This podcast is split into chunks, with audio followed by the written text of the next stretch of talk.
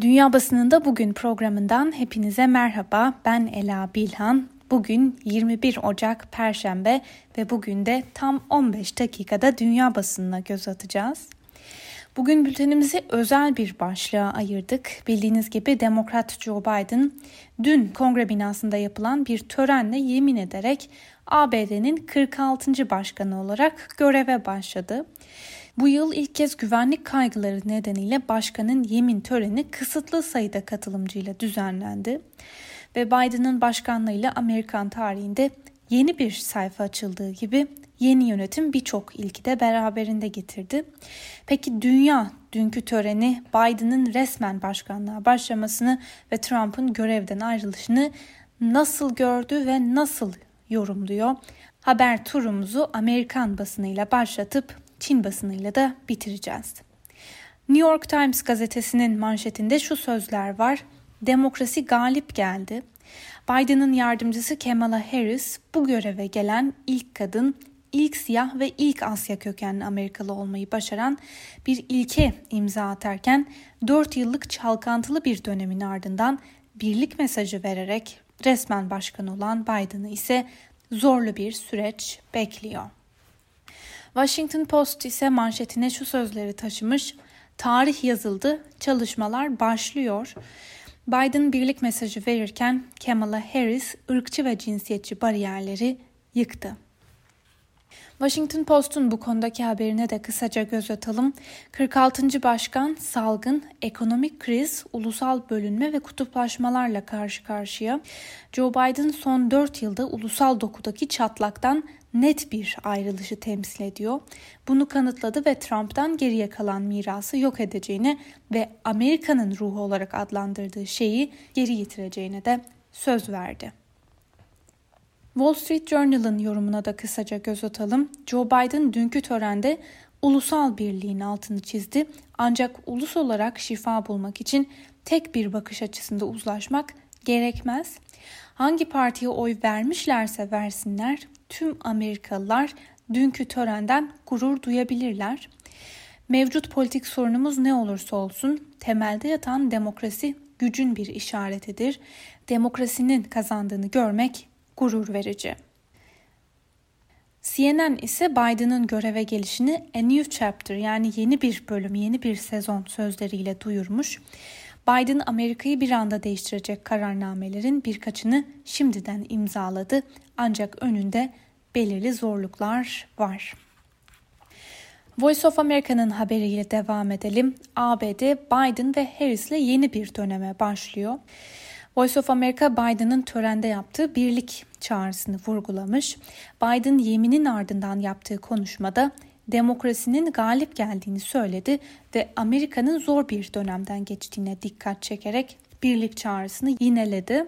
Yemin töreninden önce yaşanan şiddet olaylarının ardından uzlaşma mesajı veren Biden kendisine oy vermeyen Amerikalılardan onların da başkanı olması için bir şans vermelerini istedi. Hatta biz de konuşmasının bir bölümünü dinleyelim sonra kaldığımız yerden devam edeceğiz.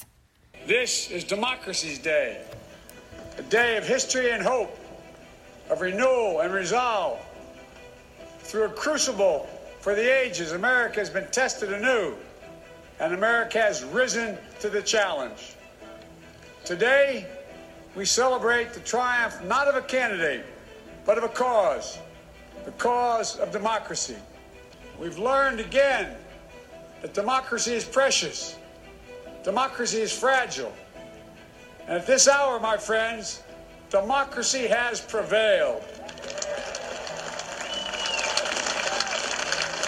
So now, on this hallowed ground where just a few days ago violence sought to shake the capital's very foundation, we come together as one nation under God, indivisible, to carry out the peaceful transfer of power as we have for more than two centuries. End this uncivil war that pits red against blue, rural versus urban, or, or rural versus urban, conservative versus liberal. We can do this if we open our souls instead of hardening our hearts, and we can still disagree. my fellow Americans. In the work ahead of us, we're going to need each other. We need all our strength to, preserve, to persevere through this dark winter. Özetle şöyle toparlayalım Biden'ın söylediklerini. Kampanyamızı destekleyen sizlere bize duyduğunuz inanç nedeniyle şükran borçluyum. Bizi desteklemeyenler sizlere de şunu söylememe izin verin. Biz yolumuzda ilerlerken söylemimize kulaklarınızı tıkamayın. Yaptıklarımı değerlendirmeye tabi tutun. Bunları yapıp hala farklı görüşte olabilirsiniz. Bu çok normal çünkü bu demokrasi, bu Amerika. Cumhuriyetimizin sınırları içinde, barış içinde muhalif olma hakkı belki de bu ülkenin en büyük gücüdür. Ama söylediklerime kulak verin. Anlaşmazlık ayrılığa neden olmamalı. Sizlere söz veriyorum tüm Amerikalıların başkanı olacağım ve size söz veriyorum beni desteklemeyenler için de beni destekleyenler için olduğu kadar güçlü bir mücadele vereceğim. Biden'ın bu sözlerinin ardından Washington Post'a aktarılan birkaç yoruma da göz atalım. Demokrasi zar zor hayatta kalmayı başardı. Kendi demokrasimizle bile savaş halindeyiz. Ancak ahlaki kurallarımızı henüz yıkmayı başaramadık. Ve bir diğer yorumda şu, Biden Trump'ın mirasıyla yüzleşirken aşırıcılığı ve yalan kültürünü yenme sözü verdi. Başkan değişti, ulus kurtuldu. Bu kez her şey çok farklı olabilir. Biden gerçekten ülkeyi yeniden birleştirebilir. Washington Post'tan Karen Ataya ise dikkat çeken bir yorum yapmış. Trump'ın yükselişinin bir nedeni de medyanın kendisiydi. Şimdi iğneyi kendi kendimize batırmamızın vakti de geldi. New York Times'ın birkaç yorumuyla devam edelim. Sonunda demokrasiyle göreve gelme, ayaklanmaya karşı zafer kazandı. Ancak Biden'ın yeni bir çağ birlikte yürümeye yetecek kadar ulusu ikna edip edemeyeceği hala belirsiz. Bir diğer yorumla devam edelim. Biden dünkü törende genel itibariyle birlik ve merhamet konusunda çağrıda bulundu. Ülkenin bunu dikkate alıp almayacağını hep birlikte göreceğiz. Bir habere de göz atalım. Biden Trump'ın bıraktığı mirası yok etmek için harekete geçti. Biden son dönemde başka hiçbir başkanın yapmadığı bir hızla çalışmaya başladı ve şimdiden 17 farklı kararname imzaladı. Voice of America'da bu konuda bir haber paylaşmış. Biden görevdeki ilk 10 gününde kongrenin onayını gerektirmeyen konularda bir dizi kararname imzalayarak Trump dönemi politikalarını değiştirmeye hazırlanıyor.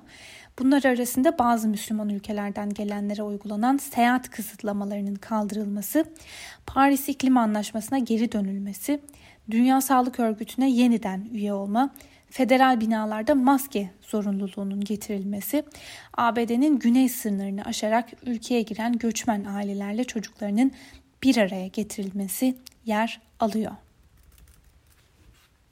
Bir diğer habere göre Joe Biden yönetimi göreve geldiği ilk gün Beyaz Saray'daki ilk basın toplantısını da düzenledi. Beyaz Saray basın sözcüsü Jen Psaki, Joe Biden'ın görevdeki ilk saatlerinde 15 kararnameye imza attığını belirtti. Psaki, Biden'ın koronavirüsüyle mücadelenin yanı sıra önceliğinin ortaklıkları ve ittifakları güçlendirmek olacağını belirtti. Senatoda yapılacak azil yargılaması sorulduğunda ise bu konuyu kongre üyelerine bıraktığını söyledi. Biden ABD göçmenlik sisteminin modernleştirilmesi girişimi kapsamında 2021 vatandaşlık yasası tasarısını kongreye gönderdi. Tasarı temel olarak Amerika'da kaçak olarak yaşayan kişilerin geçici yasal statü başvurusunda bulunmasına olanak tanıyacağı gibi göçmenlere 5 yılın sonunda yeşil kart imkanı da tanıyacak.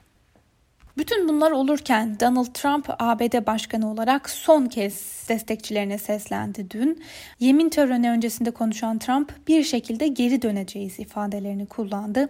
Trump konuşmasında 4 yıllık icraatının başarılı olduğunu altını çizdi ve bunlardan örnekler verdi.